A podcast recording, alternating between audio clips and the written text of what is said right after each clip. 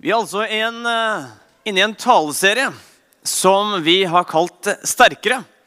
Og vi har hatt sterkere i fellesskap, sterkere i to, tro og sterkere i ydmykhet. Og I dag så er vi inne i siste bolken, som da er sterkere i kjærlighet. Og Vil du gjerne høre på de andre talene som har vært, så er det bare til å gå inn på skjemimisjonsverget.no eller på vår podkast og høre de der. Neste helg så skal vi på menighetstur. Er det noen som gleder seg? Ja, det blir veldig moro. Og jeg håper du blir med. Det er fortsatt mulighet til å bli med. Da er vi sammen på en annen måte. og veldig kjekt å være sammen på tur. Og søndag om 14 dager da starter vi en ny taleserie som vi har kalt Nærmere. Så gleder dere til det. Av og til så kommer jeg over noen gode vines. Og da snakker jeg ikke om vin, men noen små kortfilmer på nett. Og uh, meg og Tine så den her og tenkte den har jeg lyst til å vise dere. Uh, så uh, vi ser den.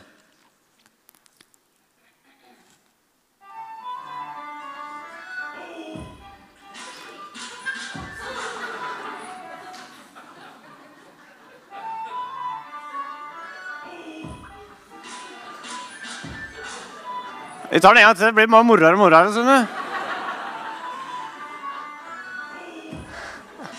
Det kan jo ikke være noe, noe godt, akkurat det der.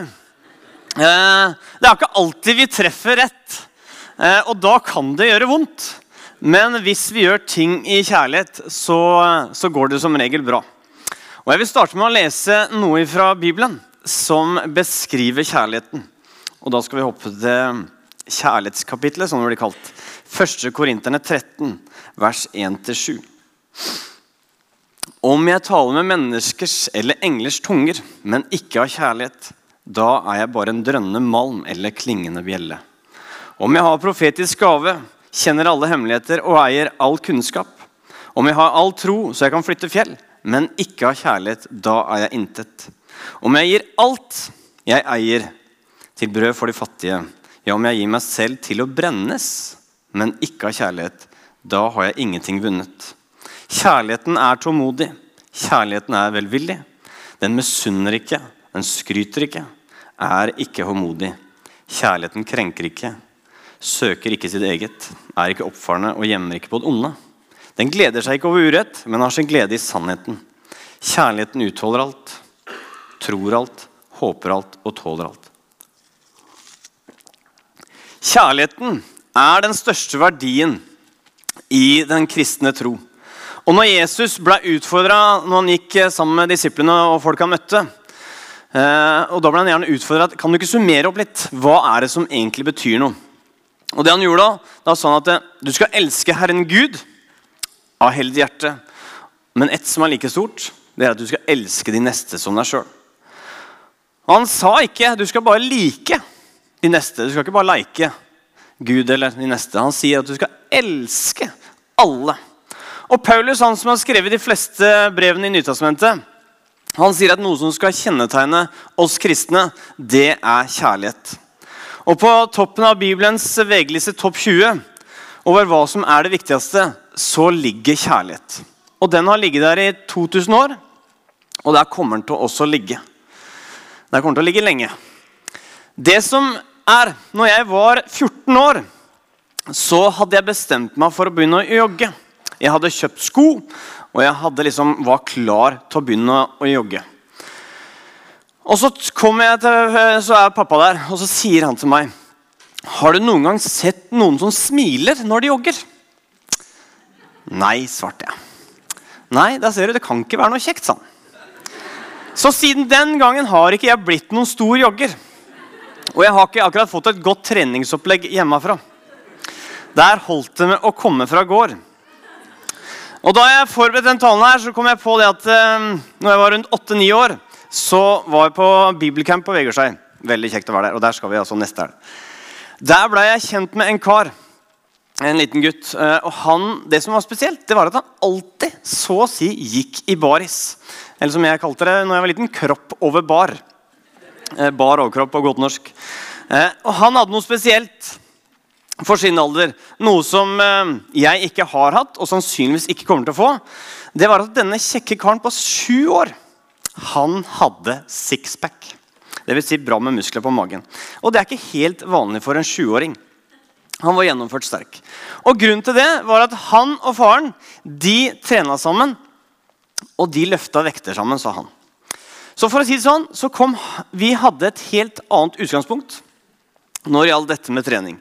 Han fra en familie med fokus på mye trening, mens jeg fra en familie som snakka ned trening.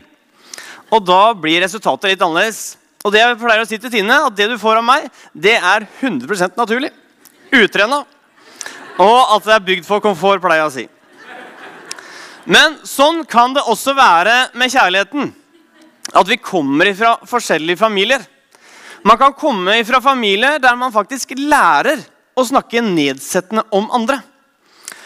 At vet du hva, de der, der de, de henger ikke vi med. Eller eh, de der er veldig rare, så de, eh, de skal holde deg langt unna. Eller de får sjelden høre at vet du hva, du er veldig bra. Eller det er noe sjeldent. Eller man kan komme fra familie som er trygge omgivelser, der man stadig vekk får høre at vet du hva, i vår familie så elsker vi hverandre. Vi støtter hverandre. Så det med kjærlighet, å vokse i kjærlighet, så har vi alle forskjellig utgangspunkt. Så er det viktig at du og jeg ikke tenker om andre at vet du hva, han der har kommet kort i sin vei i forhold til dette med kjærlighet. At han der, eller hun, de har en lang vei å gå. For vet du hva, vi kjenner ikke alle sine utgangspunkt. Men det som er viktig, er at uansett hva vi har i bagasjen, så kan vi alle ta noen nye steg i forhold til dette med kjærlighet. Samme som vi kan trene opp kroppen til å bli i bedre form, så kan vi også trene opp eh, kjærligheten.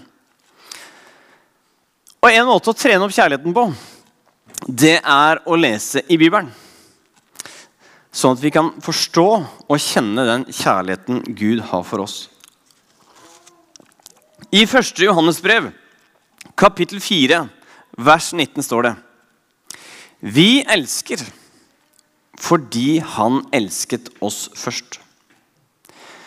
Gud som skapte himmel og jord, han har elska oss ifra evigheta.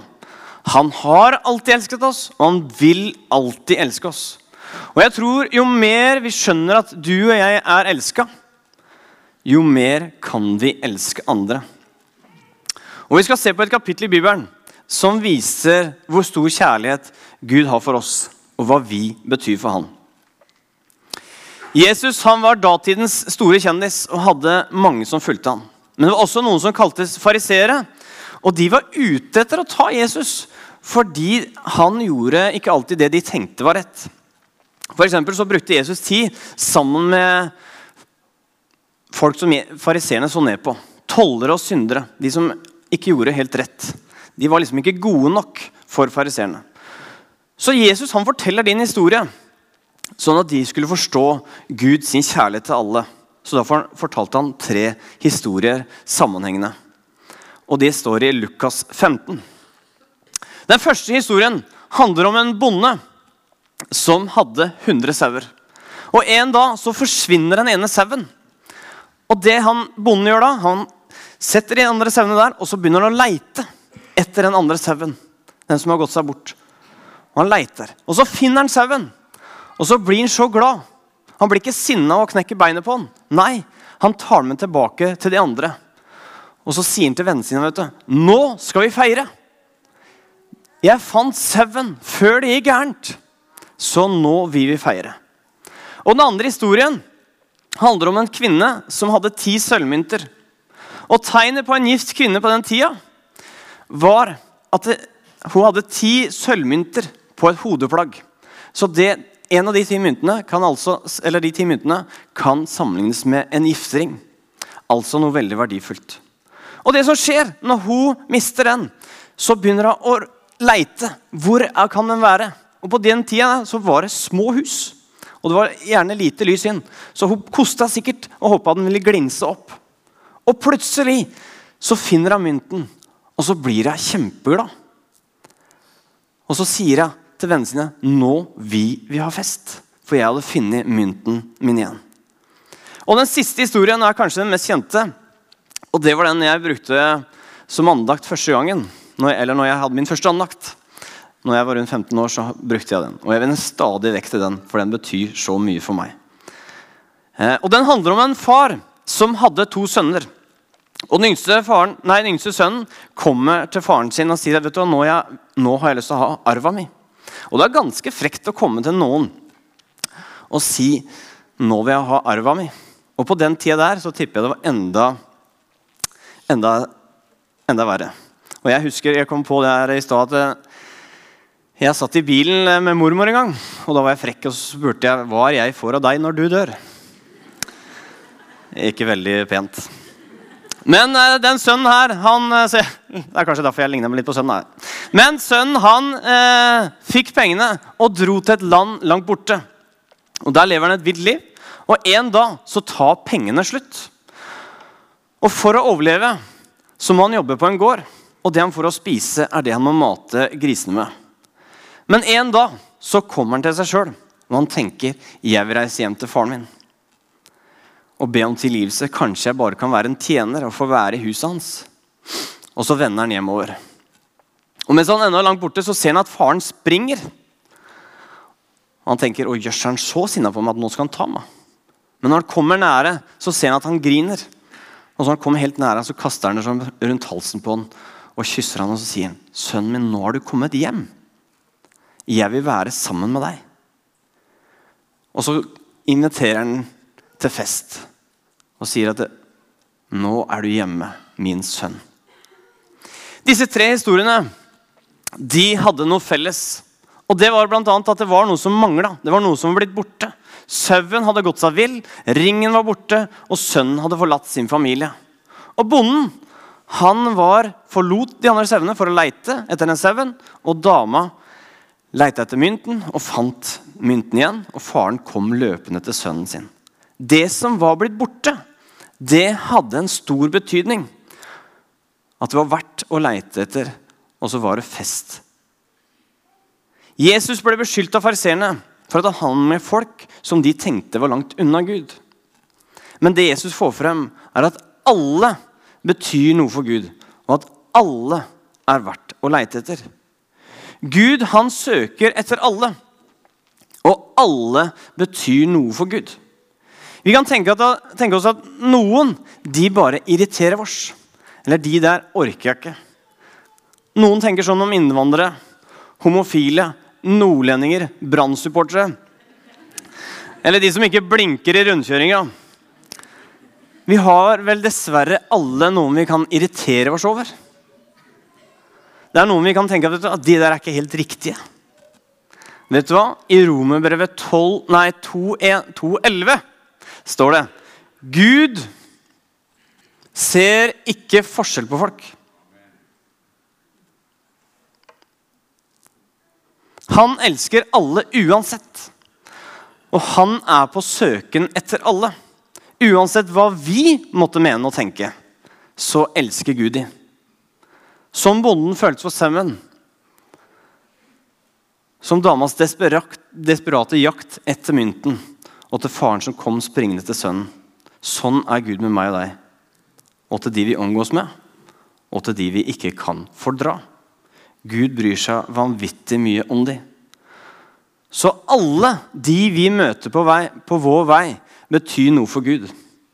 Så derfor burde de også bety noe for oss. I sommer var meg og Tine på date. Og til dere som lurte, det var altså kona mi. Var er. Til, vi var på Bakkestranda. Og der tok, der tok jeg da en selfie med Tine. Og jeg redigerte litt på det litt og la til litt farger og sånn. Og fjerna litt grått hår på sidene og, tok, og la det ut på Face. Er det ikke flott, da? Jo da. Noen har kalt dagens generasjon for selfie-generasjonen. Og en selfie, da står man sånn, og så tar man et bilde av seg sjøl. Det er det vi før kalte kanskje portrettbilde, men du tar det sjøl. Og selfie det sier litt om uh, vår tid. Og det er at du og jeg vi er dessverre litt for opptatt av oss sjøl. At det handler om hva du og jeg skal rekke, og hva du og jeg ønsker å oppleve. For noen uker siden så spilte jeg en eh, golfturnering. Og jeg gjorde faktisk ganske bra. Eh, jeg holdt på å vinne, men jeg tapte på målstreken. Og jeg blei så sinna og oppgitt, for jeg tenkte dette var min sjanse. Og Jeg kom hjem og satte meg ned i sofaen og var skikkelig furta. Og Jeg sitter, jeg vet ikke hvor mange timer jeg satt der, og så, så kommer nyhetene. Og så ser jeg reportasje fra Irak. Hva den islamske stat gjør, der folk blir forfulgt. Der folk blir mishandla og torturert. Og så slår det meg Torbjørn, nå må du våkne. Og Jeg tenker det er greit å ha vinnerinstinkt, men det handler om at du og jeg må våkne.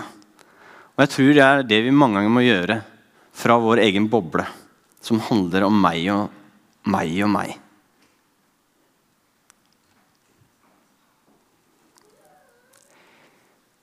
I 2014 så er det du og jeg som er Jesu kropp på denne jorda. Det vil si at du og jeg får bruke våre armer og bein og munn og øyne og våre blikk og alt sammen til å vise kjærlighet til andre. Det er tøft, og det er forferdelig, det som ISI gjør. De begraver folk levende. De tvinger barn inn i ørkenen for å sulte der.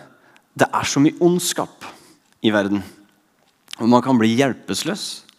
Men så behøver vi ikke lenger enn til vårt eget land, vår egen by og kanskje vår egen nabogate, der det skjer mye ondt. Vi kan lese om menneskehandel, mennesker som blir mishandla, barn osv. Folk blir utstøtt, og folk blir mobba. Og vi har mennesker rundt oss som er syke, og vi har mennesker rundt oss som dør. Og det er midt i dette livet her du og jeg skal få lov til å være en motvekt til det onde og i det triste og komme med kjærlighet. At du og jeg kan komme med trøst. At vi kan være en han som noen kan holde i. Vi må ta vare på hverandre, folkens.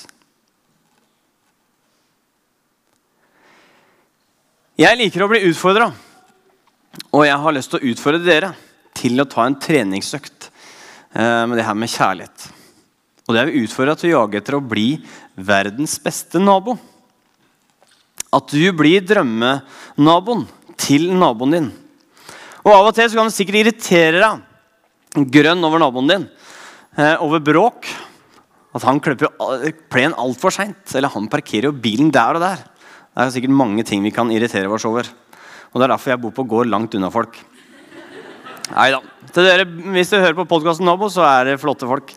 Eh, sett deg mål som gjør at eh, naboen vil tenke om deg. Fytti katta jeg er. Nei, fytti katta og heldig jeg er som får lov til å ha han eller hun til nabo. Eller du kan sette deg et mål om å være jeg ønsker å bli verdens beste skolekamerat eller arbeidskollega. Som bruker tid faktisk med den som er litt spesiell. Og Muligheten for, eh, for hvordan du og jeg viser kjærlighet og godhet, er uendelig. Og det handler om å gjøre det som er naturlig for deg.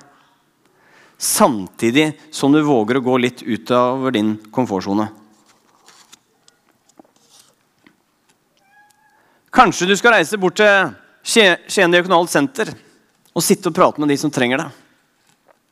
Kanskje deres familie skal bli fosterfamilie.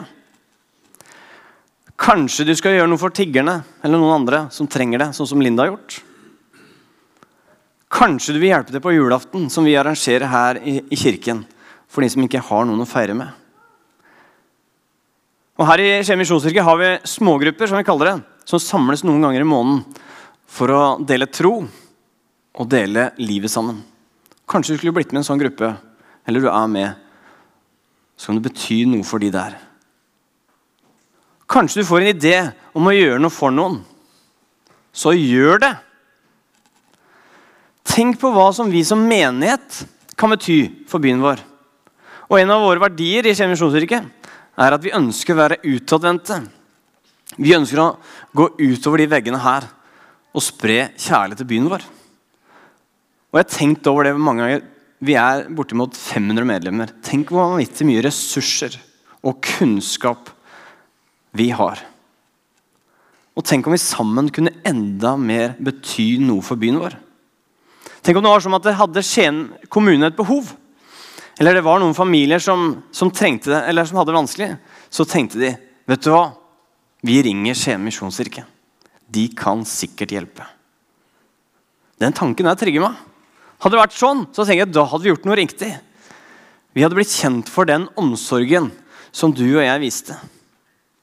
Byen vår, naboen din, skolekameraten, arbeidskollega osv.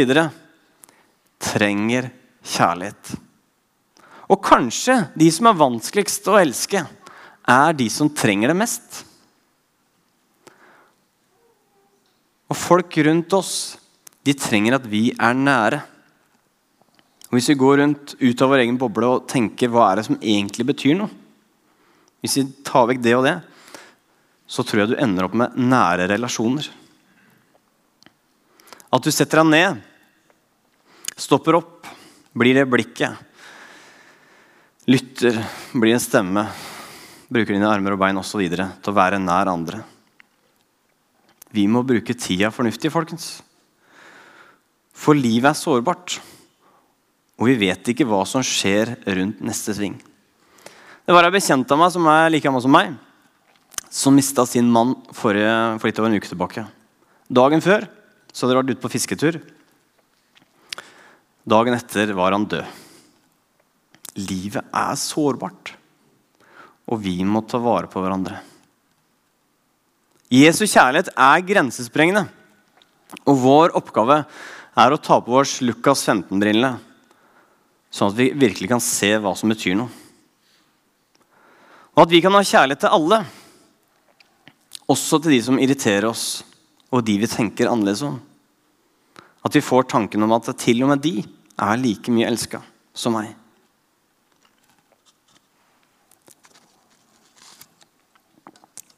Jeg tror mange ganger så må vi også putte disse Lukas 15-brillene på oss sjøl.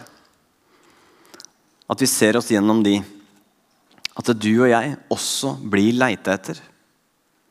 At uansett hvor du har vokst opp, uansett hva vi har i bagasjen, så er vi elska. Uansett hvor langt inni du føler du er i noe, eller langt borte, så vil Gud være med deg. Og at han er i søkemodus. Og at han vil oss bare godt. At han vil komme med trøst han vil komme med nåde og håp inn i livet våre. En siste felles ting som de hadde felles, de tre historiene, det var at det ble fest. Han ville feire. Og det sier noe om hvor stor ønske Gud hadde å være sammen med oss, eller har lyst til å være sammen med oss. Han er søken. Han liker en fest. Han vil feire. Så når vi kommer til han, så blir det fest. Vi er verdt å feire. Så når vi kommer der, så står han der med åpne armer, og så vil han feire oss. Tenk etter hvor stor og god Gud vi har, og så får vi lov til å vise den kjærligheten videre til andre. Jeg har lyst til å utfordre deg til å lukke øynene, så skal vi be litt. Så mens vi lukker øynene, så, så kanskje du blir minna på noen du kanskje kan vise kjærlighet til denne uka her.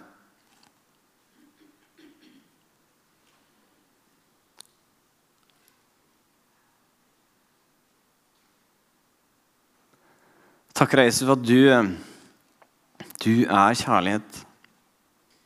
Takker for at vi får lov til å komme til deg med allting. Du kjenner vår liv. Du vet om vår bagasje.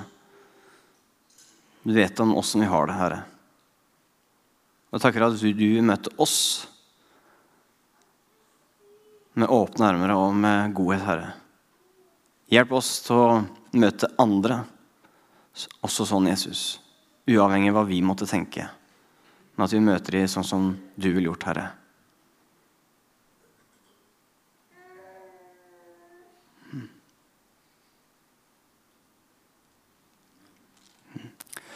Nå skal vi ha en lovsangsstund hvor vi synger noen sanger. Og mens vi gjør det, så vil jeg utfordre deg til å være i bønn og være, gi Gud ære gjennom sangen.